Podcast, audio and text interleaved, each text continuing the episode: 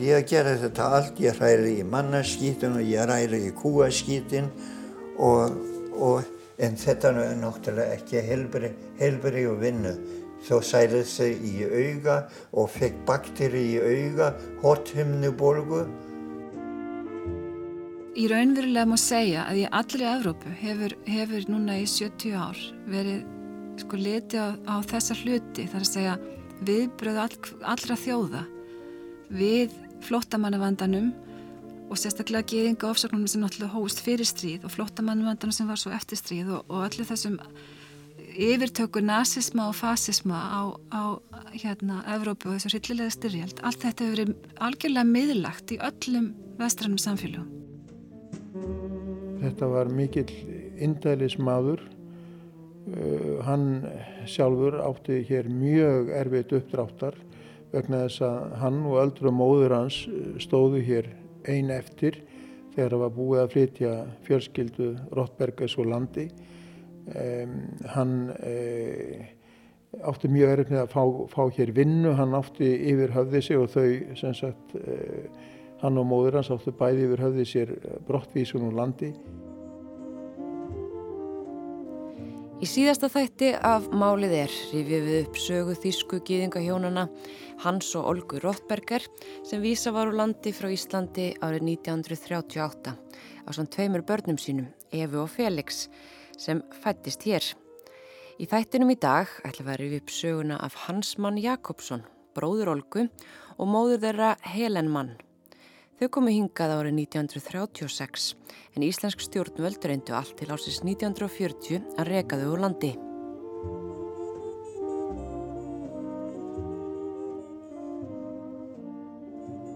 Líkt að kom fram í síðasta þætti þá komu maðgininn Hans og Helen hinga til lands haustið 1936 en Hans og Olga Rottberger höfðu þó verið hér í nokkra mánuði. Hans Rottberger hafði hafið hér leðuriðin eftir að hafa lærti verka hjá Alla Ólafsinni sem rak leðurverstaði. Þegar Hans og Olga fóru frá landinu, örðu bróðir og móðir Olgu eftir í Þýskalandi en fóru fljótlega á flakkum Evrópu í leitað skjóli gegn gýðingofsóknum. Þau flúðu frá Berlín meðan á olimpíuleikum stóð en geðingar sættu þó miklum ofsóknum í Þýskalandi. Í viðtali við Bryndisi Skram í þættinum á sunnudögum árið 1993 lísti hans mann ástandin í Þýskalandi. Já, þá var, altså þegar ég fór úr landi, þá, þá var Hitler komið til valda. Mm. Já, en mað, það byrja strax 1900 1932 þá byrjaði að orsækja geðingar. Það voru nazista í brúni jakkafötun með hakakross um handlegin já, og þeir þungu uh, Júdas, Júdas verrekkel. Uh, voru þeir sem sagt að kalla ykkur öllum illin öfnum? Júdas verrekkel, altså uh, geðingur skal kapna. Já. já. So sunge líka, also haut sie, haut sie in die Schnauze, bis das Judenblut vom Messer spritzt. Also þegar það hafa að berja okkur í, á, á kjaftin og nakkanum og, og láta geðingablóðu spröyta að nýfum seira. Móður hans beigð einsumul í Berlín og meðan hann fristaði þess að finna þeim örugan stað. Svo voru, svo voru geðinga, geðinga tekin segja von Ratt í, í Fraklandi var myrtu. Mm -hmm. Það var sendir ás uh, uh, reytari. Einhver geðingi myrta hann og þá kom uh, þessi krist, kristallnakt. Já, að, að þeir, þeir tók allir geðingar fastan, fastan og, og meðsöndu og kveikti í synagógu okkur, í synagógu okkur og notaði sem náðhús til að pissa og svoleis, til að svífur okkur nóg mikið. Þetta, þetta gerði allt saman. Já, og, og mér líka náttúrulega illa og ég fór, ég reyndi að flýja til Tekoslovakíu. Ég með vegabrif eins og en teka sér, þeir vildi ekki taka neina þjóferi af flottamenn. Það var alveg fullt sanna í Prag. Já, þá reyndi ég að fara lengra, kom til, komst til Ungvalandi. Í Ungvalandi stoppaði á landamærin og að segja eh, þú kemur hér ekki í gegn, fara bara tilbaka. Já, ég var að hugsa að fara með á reysjóli til, til uh, Ísrael. Já, en uh, mér, mér tók það ekki, ég komst ekki í einu landamæri. En, var mamma þín alltaf með þér þá? Nei, mamma mín var í, í Berlín einsömmul. Í heimildarmyndinni Gýðingar á Íslandi eftir Einar Heimisson sem sínd var í sjónvarpinu árið 1989 og vakti mikla aðtikli, lísti hans mann ofsóknu nazista gegn Gýðingum og flóttanum frá Þýskalendi á þennan hátt.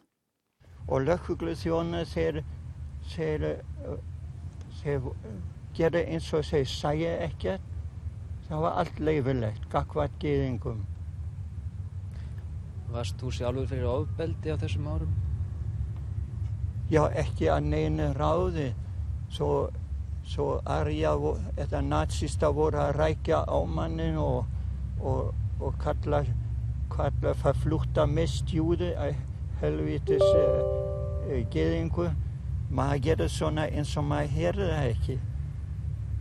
Að því, ef maður veistu mótsróðu það var bara, maður setti sig í lífsæstu.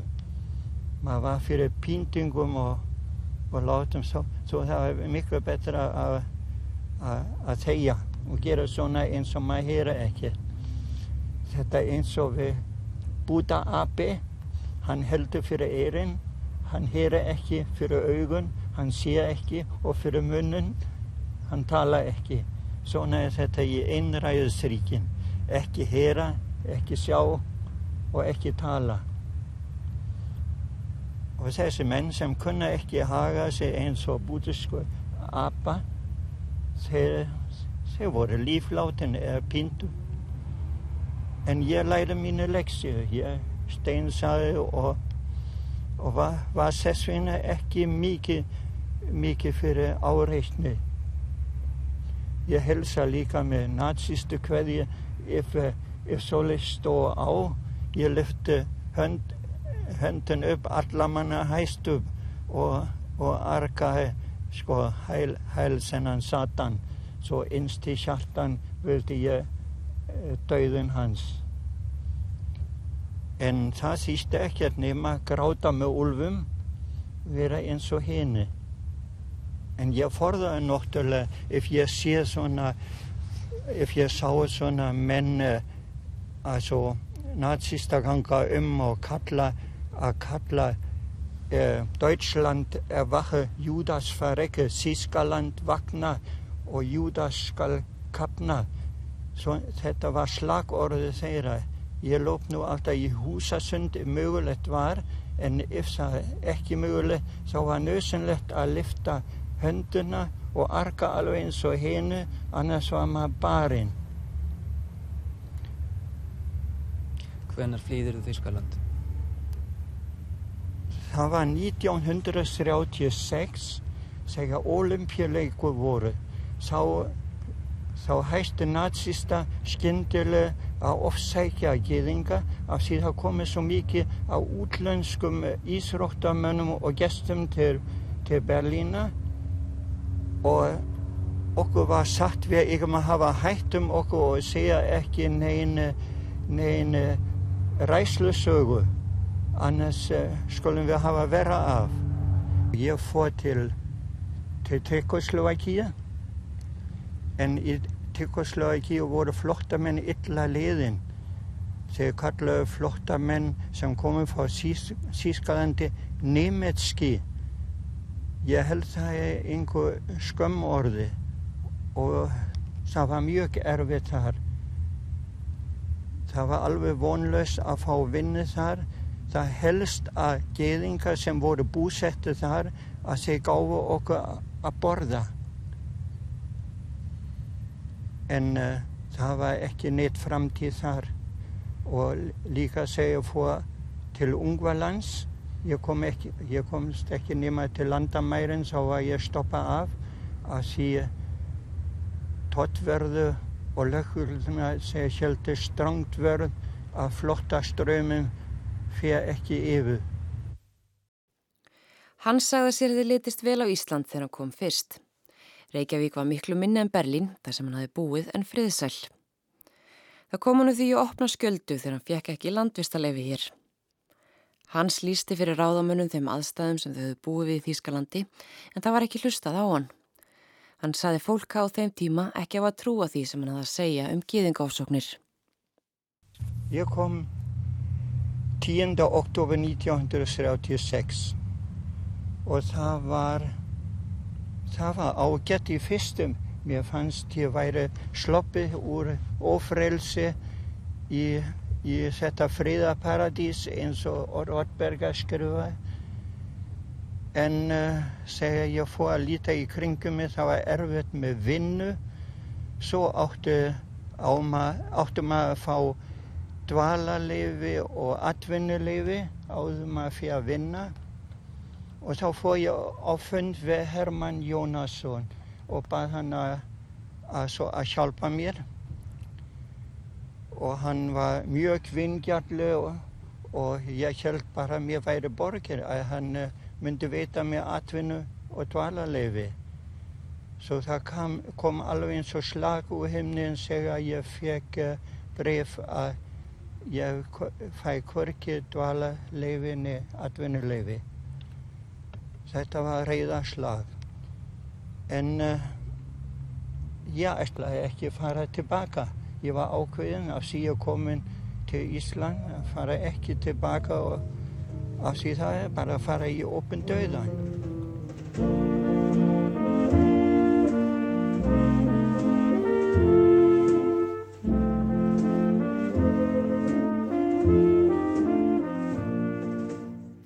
Hans mann var ákveðin í að fara ekki frá Íslandi þráttur að hafa verið sinjað um dvalar og atvinnuleifi. Þau maðginni legðu fyrst um sinna herbergi að ringbröð hundrað en hans flæktist um sveitir til þess að reyna að vinna inn fyrir þeim. Hann vann fyrst við mjög slæmar aðstæður eins og hann lýsir í fyrirnemdu viðtali við Bryndísi Skram. Já, ég fór strax að leita vinnu, fann vinnu fyrst upp í borgarfyrði og þannig fekk ég ekkert kaup og kuldum var svo gífileg. Bondin hann var grimmu, ég skildi hann ekki og, og kunni ekki máli. Ef hann var að segja ég átti að sækja hist og þetta í, í fjósinni þá kom ég kannski með kust í stað með fötu og svo les. Já, og, þú er ekki kunnað íslensku? Nei, ég kun, kun, kun, ekki íslensku. Nei og þar að auki var ég svo illa klætu, ég var í bómuilla fötum og, og þunnum skóm, þunnum gummiskóm og bondin hann vildi ræsa skörði og ég var alltaf neyðri í, í vatni og skóna fórin að leika og ég var stokkbolgun á á fótum og, og höndum og hann leitt mig ekki að hafa neina ölluvellingar. Hann átti futta á ölluvellingu, öllasokkum og, og peysjum en ég fekk ekkert hjá hún svona kleina. Rétt, rétt svo að geta, skamta, skamta mjölkin af síðan kosta, uh, ég held hann fekk 25, 25 öra fyrir lítirinn. Já, það var það var sparað með mjölk eins og hægt var og maður fekk að borða svona saltfisk, saltfisk og róu í einhæfuð fæði. Ég þóldi það ekki, ég hóraðist þá niður og ég var að segja hann ég get ekki verið hér, ég verði að fara. Og hvernig tók, borgaðir ekki kaup? Nei, hann segja, þú skalt ekki segja að þú hefur ekki fengið kaup hjá mér, þú hefur fengið nóg að borða og og, og hefa haft það gott og herrbegi uppi sem vantar rúðu í og, og heipoka var í, rú, í staðinu rúðuna og það var ískald í herbeginu. Það hefur verið viðbrið að koma frá Berlín. Það Já, var kannski ekkit betri vist en hérna heldur en í Berlín. ég vildi sæta mig með vistin hér bara að fá að lifa. Þegar hann kom aftur til Reykjavíkur eftir vítisvistin á sveitabænum þá benti nágranni hans og Olgu honum á að veri væri að auðlis eftir fjósamanni á Álafossi.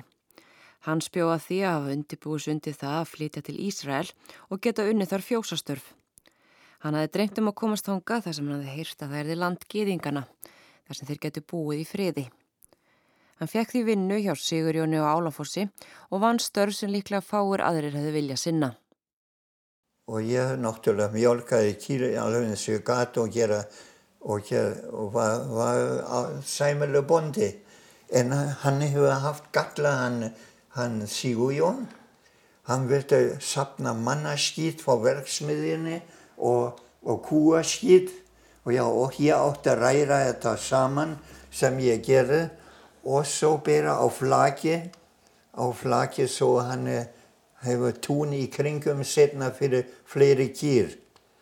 Já, ég gerði þetta allt, ég ræri í mannaskýtin og ég ræri í kúaskýtin og, og en þetta er náttúrulega ekki helbri, og vinnu. Svo sæði þau í auga og fekk bakteri í auga, hothymnubolgu. Já, þá fór ég til Reykjavík til Kristján Sveinsson og að segja ég, ég hef svona, svona vinnu og hann sagði já, þú hefur fengið bakteri í auga, þú verður að passa þig. En ég gæti ekki að halda lengur út á áláfas vegna aukveiki. Hans vildi fyrstum sinn ekki byggja um leifi til að fara til læknis út af auganu þar sem hann hrættur um að missa þó vinnuna. Þegar hann svo fór aftur til Reykjavíkur til að sækja sér læknisaðstóð þá var það orðið á seint. Hann var orðin blindur á öðru auganu og gæti ekki lengur unnið hjá Álafossi. Stuttu eftir að hjónunum hans og Olgur Róttberger var vísa á landi árið 1938 var hans mann handekinn á götu í Reykjavík af yfirmanni útlendingaftilitsins og fluttur í bústað Þíska ræðismannsins. Samkvæmt viðtali við hans mann úr þjóðlífi sem Einar Heimisson tók árið 1988 þá tilkynnti yfirmaður útlendingaftilitsins að hann væri með geðingundur höndum sem Íslandinga vildu losna við. Ræðismæðurinn Þíski tók persónuskilur ekki hans, reyf þau og saði þeim að losa sig við hann á annan hátt. Það var líklega honum til haps að þarna var ræðismæður þjóðveri á Íslandi, Gönter Timmermann sem var á móti nazistum. Skömmu síðar var hann eins vel átum fara og SS-maðurinn Werner Gerlach tók við. Hans varð oft fyrir aðkasti á Íslandi fyrstu árin eftir hann komingað vegna þess að hann var gýðingur.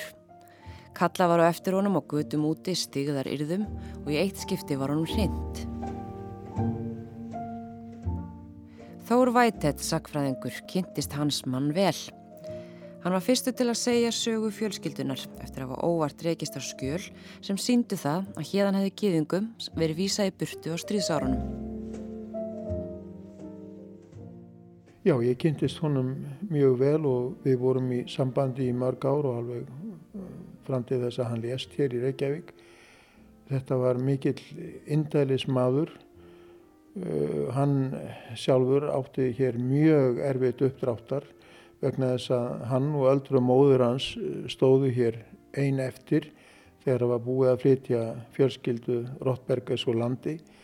Um, hann uh, átti mjög erfitt með að fá, fá hér vinnu, hann átti yfir höfði sig og þau sem sagt uh, hann og móður hans áttu bæði yfir höfði sér brottvísun úr landi um, og það makalösa er að, að stjórnvöld voru að að ráðgera brottvísun hans allt fram á vorið 1940 sem sagt í talsverðan tíma eftir að, eftir, að styrjöld hófst hér var enn verið að, að leggja ráðin um að, um að flytja þau á brott. Hvernig stjórnvöld ætluðu sér yfirleitt að koma þeim úr landi skilja nú ekki, eiginlega ekki en, en hans mann leit sjálfur svo á að brettar með hernámi landsins hefðu bjargað lífi hans og móður hans.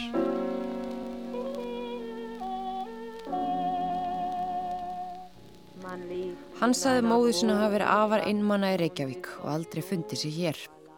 Hún skildi ekki tungumálið, þekkti fáa og fannst hún ekki velkomin hér á landi. Móður hans var veikburða en vildi ekki bú í landi þar sem henni væri svona illa tekið. Duelin reyndi á hana. Ákveði var árið 1937 að vísa eitt enn úr landi þrátt fyrir að vegabrjöfinar væri útrunnið. Hins vegar fengu þau að vera hér óáreitt um smá tíma en alltaf stóð til að vísa þeim úr landi. Hans þvældist um sveitir að vinna en átti erfitt með það eftir hann slasaðist á auganu.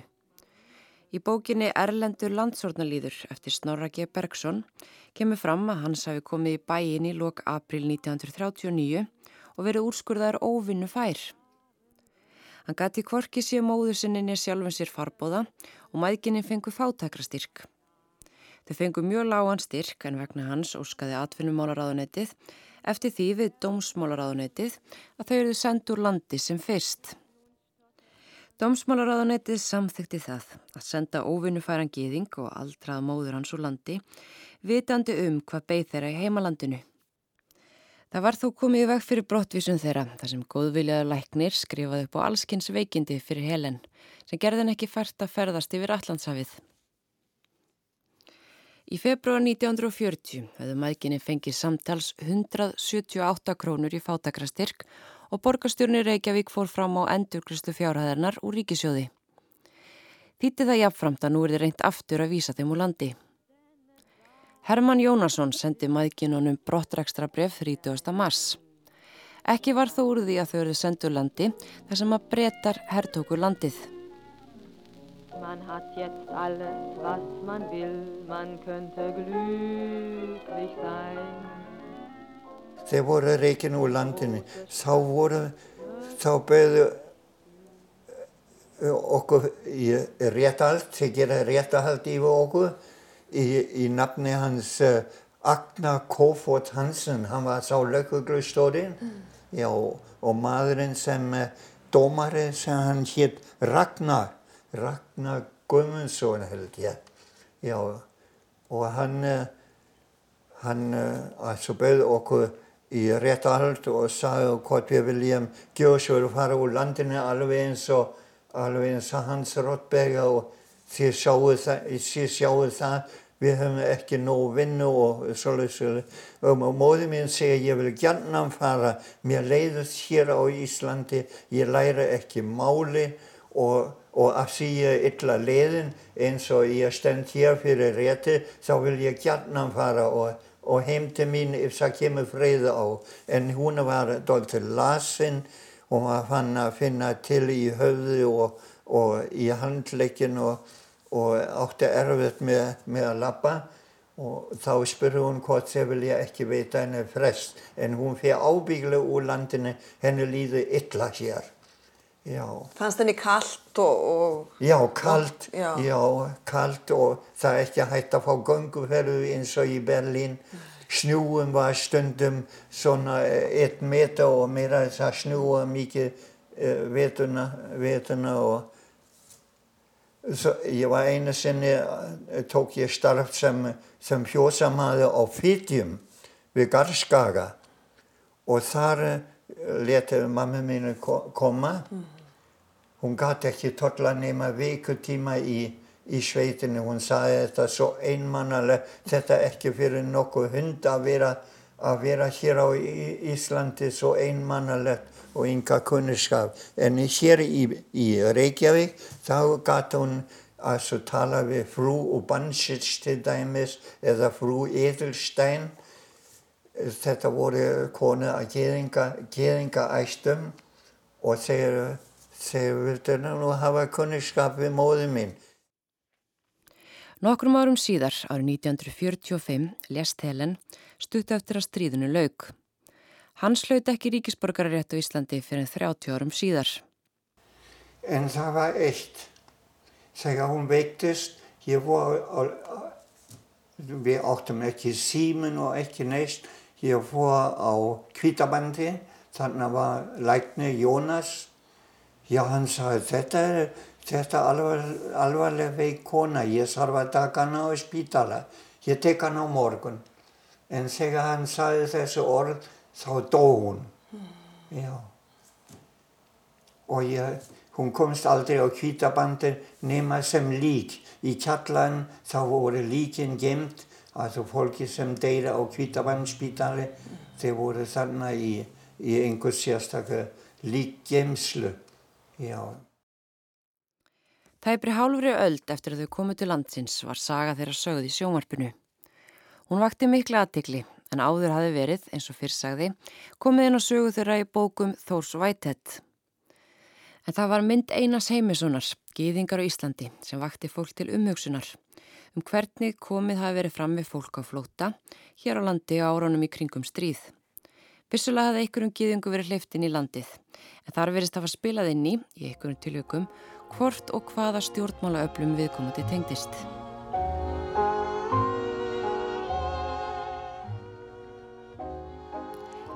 Kristrún Heimisdóttir, sýstir Einars Heimissonar heitins, segi viðbröðun hafi verið mikil og margir hafi ekki verið tilbúinir að viðukina hvernig hafi verið staðið þessu málum. Ég held kannski að hann hafi bara, kannski fyrir æsku sakir, verið veginn, tilbúin til þess að horfa á þessu mál sko á feimnistlausan hátt, kannski bara til að nýri kynslu sem var frjálsæri til að hugsa um þetta, heldur en, heldur en eldri kynslu hefði kannski hugsað svona um þetta sem viðkvæm mál sem ætti ekki að fara of djúfti eða og svo þetta hefur alltaf alls konar flokkspolítiska línur skipt máli líka á Íslandi. Það getur verið ímsa skýringar en, en, en ég hugsa að hann hafi sko ég held að hann hafi ekki verið að draga fjöður yfir. Ég held að hann hafi viljað sína hlutin eins og er voru og þess vegna líka lefur hann hans manna gráta í sjónvarpinu og auðvitað er það svolítið hjákallegt að fólk sé að kvarta yfir því umræðu þetta svo í sjónvarpinu í útarpi á Íslandi að hafa séð mann gráta. En, en hann meina ef að Íslands stjórnvald hefði fyllt stefni sinni allar leið þá hefði hann geta lendi í, í hérna meina það vantar svolítið hérna svolítið svona eitthvað perspektíf í íslensku sínina á þessa stærst stóru heimsviðbyrði Ég hef heyrt fólk lýsa því, það, fólk hefur til dæmis, það eru reikvikingar sem hafa voru, hafa lísti fyrir mér að, að, að, að það hafi verið geðinga anduð í Reykjavík. Og til dæmis einn kona sem ég þekki sem lísti fyrir mér, hún átti, það var strákur af geðinga ættum sem var vinnur hann er í skóla. Og þegar þau gengur saman í, í miðbænum í skólana þá, þá fekk hann að heyra, voru gerðað hann úr hróp og köll en það, þetta er auðvitað hluta sem er aldrei talað um sko. en, en ég meina í einhverju svona sam, ofinbæri samræðu. Það sem vakti einna sterkust viðbröðu myndinni var þegar hans mann brast í grát þegar hann rifjaði upp hvernig komið hefði verið fram við þau maðgininn þegar þau komið fyrst til landsins. Og móðu mín hún fekk bara áfatt út á þessu. Hún var niðurbrotin að harmi og hefur aldrei náð sér eftir að Íslendinga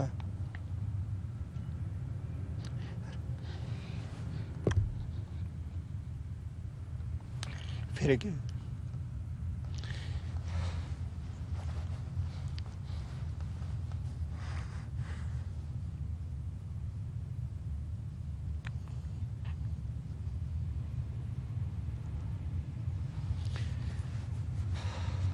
Ég er búinn að ná mig. Kristrún segir aldrei neitt uppgjur af áttri stað hér á landi varðandi þessi mál. Í raunverulega má segja að í allri Evrópu hefur, hefur núna í 70 ár verið sko liti á, á þessa hluti þar að segja viðbröðu all, allra þjóða við flottamannavandanum og sérstaklega geðinga ofsöknum sem náttúrulega hóst fyrir stríð og flottamannavandanum sem var svo eftir stríð og, og allir þessum yfirtöku nazisma og fasisma á, á hérna Evrópu og þessu hryllilega styrjald allt þetta hefur verið algjörlega miðlagt í öllum vestrannum samfélagum hvernig, af hverju bröðust við svona við en ekki hinsægin og hvernig hefur við að tryggja það að ekkert svona geti kjast aftur. Þetta hefur verið það sem að, það sem að allar alþjóðastofnunar eða allar evróskar hérna, fjölþjóðlega stofnunar til dæmis hafa meira að minna snúist um. En, en við litum eitthvað eins og alltaf svo að þetta kæmi okkur ekki við. Og ég held að, að þegar að þetta var síðan þessi saga Róttbergar fjölskyldunar var færði í áhrifaríkasta miðilinn sem er sjónvarpið. Þá held ég að mörgum hafi bröðið mjög mikið. Voru ykkur, komu ykkur viðbröð frá stjórnvöldum eða ykkurum yfirvöldum í kjálfar myndarnar? Nei, ekki nein, ekki manni eftir því. Þetta var bara umræða, þetta var semst bara, þetta var mjög mikið horta að þetta. Þetta var, fekk svona umræði eins og, og Rástfjö á þessum tíma sem var svona þessi vettvangur sem þá var, náttúrulega svo sem freka nýr í útarpi, það var náttúrulega bildingin sem kom í Rástfjö meðal annars þjóðarsálinn þetta að fara að tala við fólk út á, út á götu og gefa fólki síðan kosta að ringja inn og þetta var, þetta var svona kjarni eða hjarta samfélagsumræðinar þessum tíma. En það var engin, það, ég man ekki eftir að þetta hafa nokt hefur tekið upp til dæmis á alþingi eða ég man ekki eftir því eða að hérna nýja heldur kunni fólk kannski eitthvað svona aðferð eins og þetta vísa til með að að það sé eitthvað beðist afsökunar eitthvað slíkt sem svo sem náttúrulega hefur verið gert í mjög mörgum löndum um, um eitthvað slíkt tilvík sem eru sambaraleg. Kristún segist vissum að einar hefði viljað segja sögu sískinana, meðal annars í þeim tilgangi að slíkt myndi ekki koma fyrir aftur. Og hann hafði semst þennan áhuga, hann var í samtíma sögu og bókmöntum í Þískalandi og hann hafði þennan mikla áhuga einmitt á, á þessu og það var ekki síst áhrif af því að að hafa orðið til dæmis sko, þau voru bara vinir, hann og Inga sjálf og, og það er bara þessi þessi móralska ábyrg sem við berum bara sem manneskur að, að hérna og líka þessi spurningu það hvað getur hverju einn manneska gert í öllum aðstæðum? Og það var og þetta, þau eru þetta unga fólk sem voru sjálfsískinin, þau voru síndu svo mikið svo mikið, en, en höfðu svo innilega rétt fyrir sér. Allt sem stóði þessum dreifibrjum er svo satt og rétt. En, en líka það sem allir þóttust aldrei hafa neitt vitað um. Það er ótrúlega stert atriði í frægur bíómynd um Adolf Hitler og síðustu daga hans sem heitir hérna, das hérna, Untergang. Það, það er sena í þeirri mynd það sem er hérna, viðtal við fyrirhandi rítara Adolf Hitler. Konu sem var jafn gömul sjálfsískinum og í myndinni er sínt hérna þegar hún segir frá því að hún hafi fundist þú að gaman að vinna hjá Hitler og gaman að vera í þessu allir saman og ólega spennandi. Svo hafi henni nokkuð löngu setna sem var hann fullar en kona, eldri, miklu eldri þá var henni gengið, þá var henni munn hérna og var gengið fram hjá minnismerkinu Sofí Sjálf og hún sér að Sofí Sjálf var jafnkvömmul og hún og hún hefði síðið gegnum þetta allt saman. Og þá hún segir sjálf þá brá mér þá skildi ég að ég hafði, hafði hvað ég var, að ég hafði svaf, að ég var sofandi. Þeir rítari aðtúr sýtlar.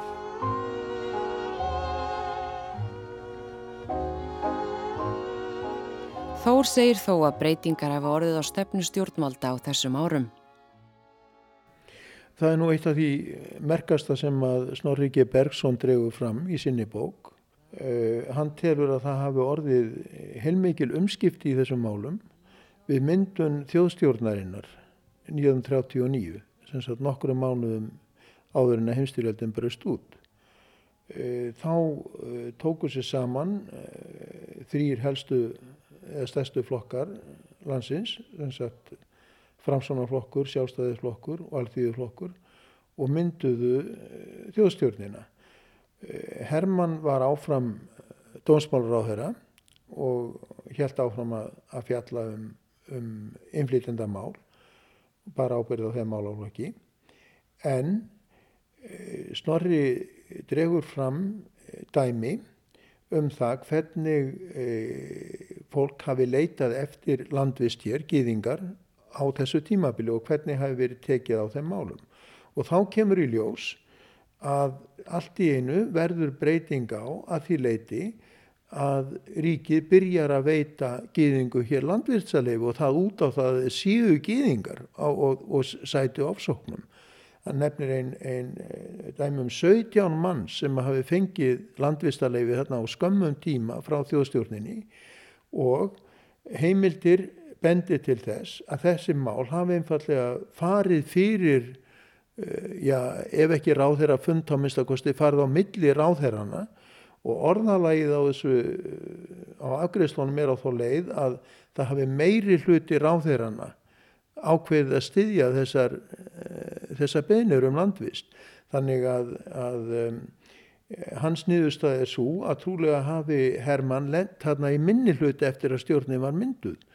Og það liggur fyrir að, að í málun sem hafðu komið upp meðan að, að hér satt að völdum minni hlutastjórn framsvonaflokksins frá 1938 og fram á árið 39 að um, þar hafi þessir tveir leittógar sem sagt sjálfstæðisflokks og alþýðuflokks, Ólafur Tós og Stefán Jóhann Stefánsson eh, tekið, vilja að taka öðru í sá málum heldur en að Herman var að gera. Það hefur verið nefnt eitt sérstaklega til um þetta og það er eh, Ósk Katrína Tórótsens Læknis um að fá að flytja hér inn eh, gýðingabörn frá Östuríki.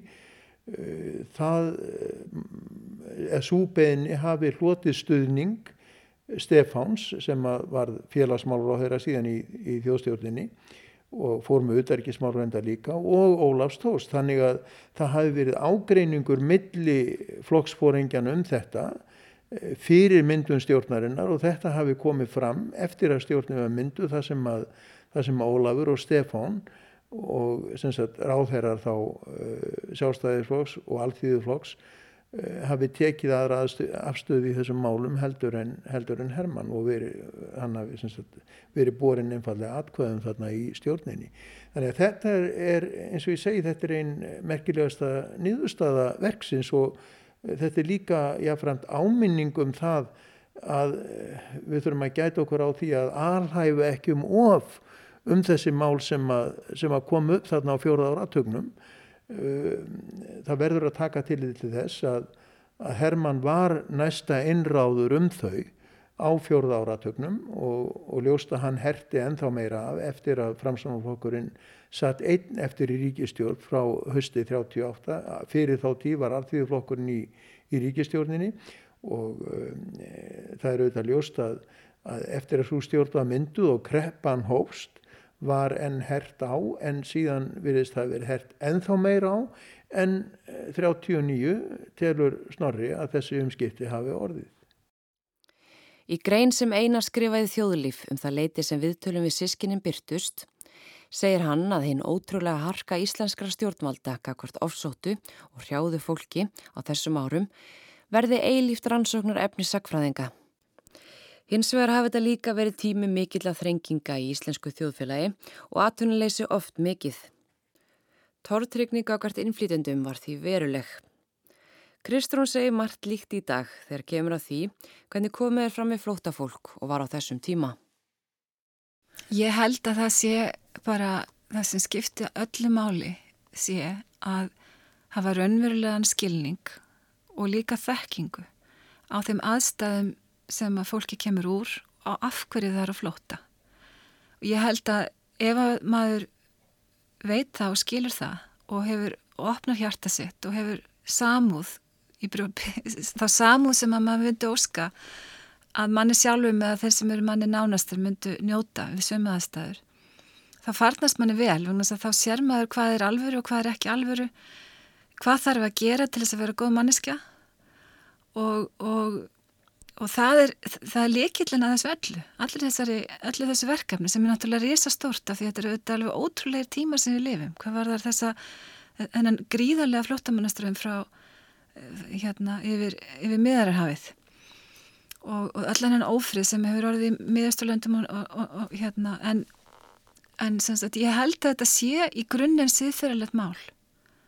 Og ég held að ef að, að þetta sé eina leiðin til að mæta þessum aðstæðum og það hafi verið alveg eins í 38 það sé sami hluturinn.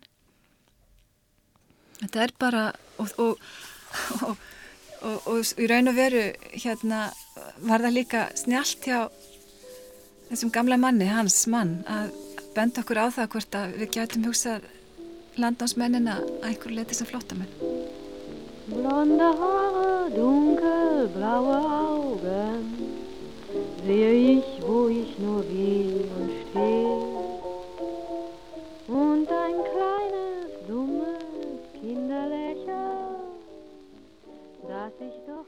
Þór Vætett segir gjör ólíkar aðstöðu verið í dag með við þá en þó sé ímislegt sammert með stöðu flótafólks. Það er nú eitt sko að ætla sér að bera saman sagt, aðstæður, sögulegar aðstæður, það er alltaf mjög flókið og vissulega sko er hægt að finna einhverja snerti fleti en að öru leiti þá náttúrulega eru aðstæður, má segja, á marganhátt gjör ólíkar miða við, miða við það sem var. Eitt er bara umfang flóttamanna vandaðans nútið dags. Ég held að flóttamenn og í víðustu merkingu orðsins séu taldir vera 65 miljónir nú á dögum. Þeim fjölgar mjög ört þessi flóttamannavandamál á fjórða áratugnum eh, er eins og eins og hvert annað brota brot með að við þau ósköp sem við horfumst við nú á dögum. Það myndi ekki eins og ná 1% eh, fjöldi hugsanlegra flóttamanna vegna þess að þetta er það svo að geðingarnir lokuðust eh, inn í Þískanandi mjög margir vegna þess hvernig heimurum brást við á þessum tíma. Þannig að Við erum einfallega að horfast bara í augu við, við allt aðrar aðstæður nú á dögum þó að það með ekki gleyma því að, að eh, oft uh, sé hlutskipti flóttamanna sjálfra mjög líkt má segja á margan hátt. Eða þess að vandi sem að fólk stendur fram með fyrir sem að, sem að, sem að þarf að flýja sitt föðurland og, og, og leita sér skjóls, í, skjóls annar staðar að, að vandi þeirra er oft uh, óskup líkur því sem að, því sem að var. En síðan er annar náttúrulega að nú á dögum þá búum við líka við, eh, við alltaf aðstæðu lagalega séð. Á þessum tíma eins og, eins og Snorri Bergson fjalla svo ágætlega um í, í sínu ríti þá má segja að að eh, yfirvöld og þá fyrst og reynst kannski ráð þeirra hér hafi verið nánast einn ráður í þessum málaflokki.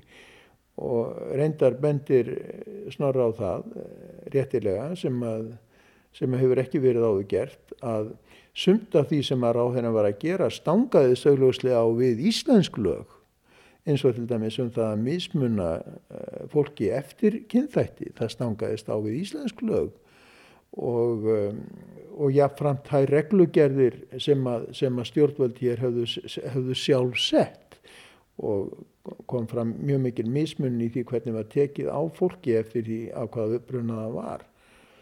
E, nú átum við búum við við e, mannréttindasamdygtir e, og, og alþjóða lög sem að, að Íslands stjórnvöld eru að fara eftir. Þannig að það, það er ekki, ekki lengur þannig að, að, að ráðherrar eða einstakir valdamenn geti farið sínu fram á þess að spyrja konga eða prest. Hans mann fór aldrei aftur til heimalandsins Þískalands. Hann gæti ekki hugsa sér það eins og hann sagði frá í mynd Einars. Hann hitti Olgu sýstu sína því aldrei aftur eftir hún fór frá Íslandi. Þau skrifuðust alltaf á en hún lést skömmu eftir að heimildamyndin um sögu sískinana var sínt. Hins vegar kom Felix Rottberger, sonur Olgu, sá sem fættist hér á landi, eitt sinni heimsók til hans mann. Hann hafi beðið stjórnvöldum styrk til að koma, þar sem hann fættist hér, en engin svörfengið. Hann sapnaði sér fyrir farinu í nokkur ár og kom óvend að heimsækja frenda sinn, en sagt var frá heimsókninni í Djefaf. Nei, ég hef aldrei farið þanga aftur og mynd ekki gera það eins og Íslandingar segja brenn batt forði eldin. Ég brendi, brendi mig svo gífilega í Þískalandi og, og slæmi endurminninga sem pína mig ensá í dag. Hann stundaði lengst af verkamann að vinna á Íslandi eftir að móður að slést Hann gifti sig árið 1952 og bjó lengst af á sand eiginkonu sinu á Karlagötu. Hann átti ágætist líf en skildi aldrei hvers vegna gýðingum var sínt slík andúð hér á landi. Hans mann Jakobsson lést 15. desember 1996, 83 árað aldri. Leifum hans mann að eiga loka orðin í þessum þætti. Brotið er tekið úr heimildamind Einars Heimissonar, Gýðingar á Íslandi. Ég skil ekki þetta að Íslandinga skulle hafa gert þetta. Íslandinga sem eru sjálfu afkomandi að Ingólu Átnarsson flottamanni að segja hafa haft svo lítið skilning fyrir flottamenn hér á landi. Vi, við vorum ekki einu, einu geðinga og flottamenn sem Íslendinga reynda að losna við. Losna við. En uh, öðruvísi skilja það vel. Íslendinga Íslendinga vilja vera fresamstu og hamingjusamstu þjóð í heiminn og hér er ekki pláð fyrir óhamingjusamt fólk. Eins og stendi í bíblina sko, þegar Guð kallaði til kæn, hvað er, hvar er bróðið sín? Ó, ég gæt, gæta bróðið mín, svara hann, svo hann hefur trefið hann. Og svo má kalla eins og í dag allstað í öllum löndum, hvað hvað hafið þið gert við bræðu ykkur? Já, setna í stríði þá var hún Marlene Dietrich að syngja eh, Sag mir, wo die Soldaten sind. Já, ég og, og ég myndi syngja mir, wo die Juden sind. Altså, hvað eru geðingar? Þessi 6 miljón geðingar og ég átti margir góðu kunni og æstingja þar og þeir eru allir hortnið. Maður fæ ekki upplýsinga einu sinni hvað, hvað, um, hvað hefur skeið. Svona var þetta og ég vona að svona, svona tíminn kemur aldrei aftur. Svo, svo er sagt að Íslandinga haming, hamingjusamstu þjóð í heiminn, ég vera aldrei hamingi saman eftir þetta.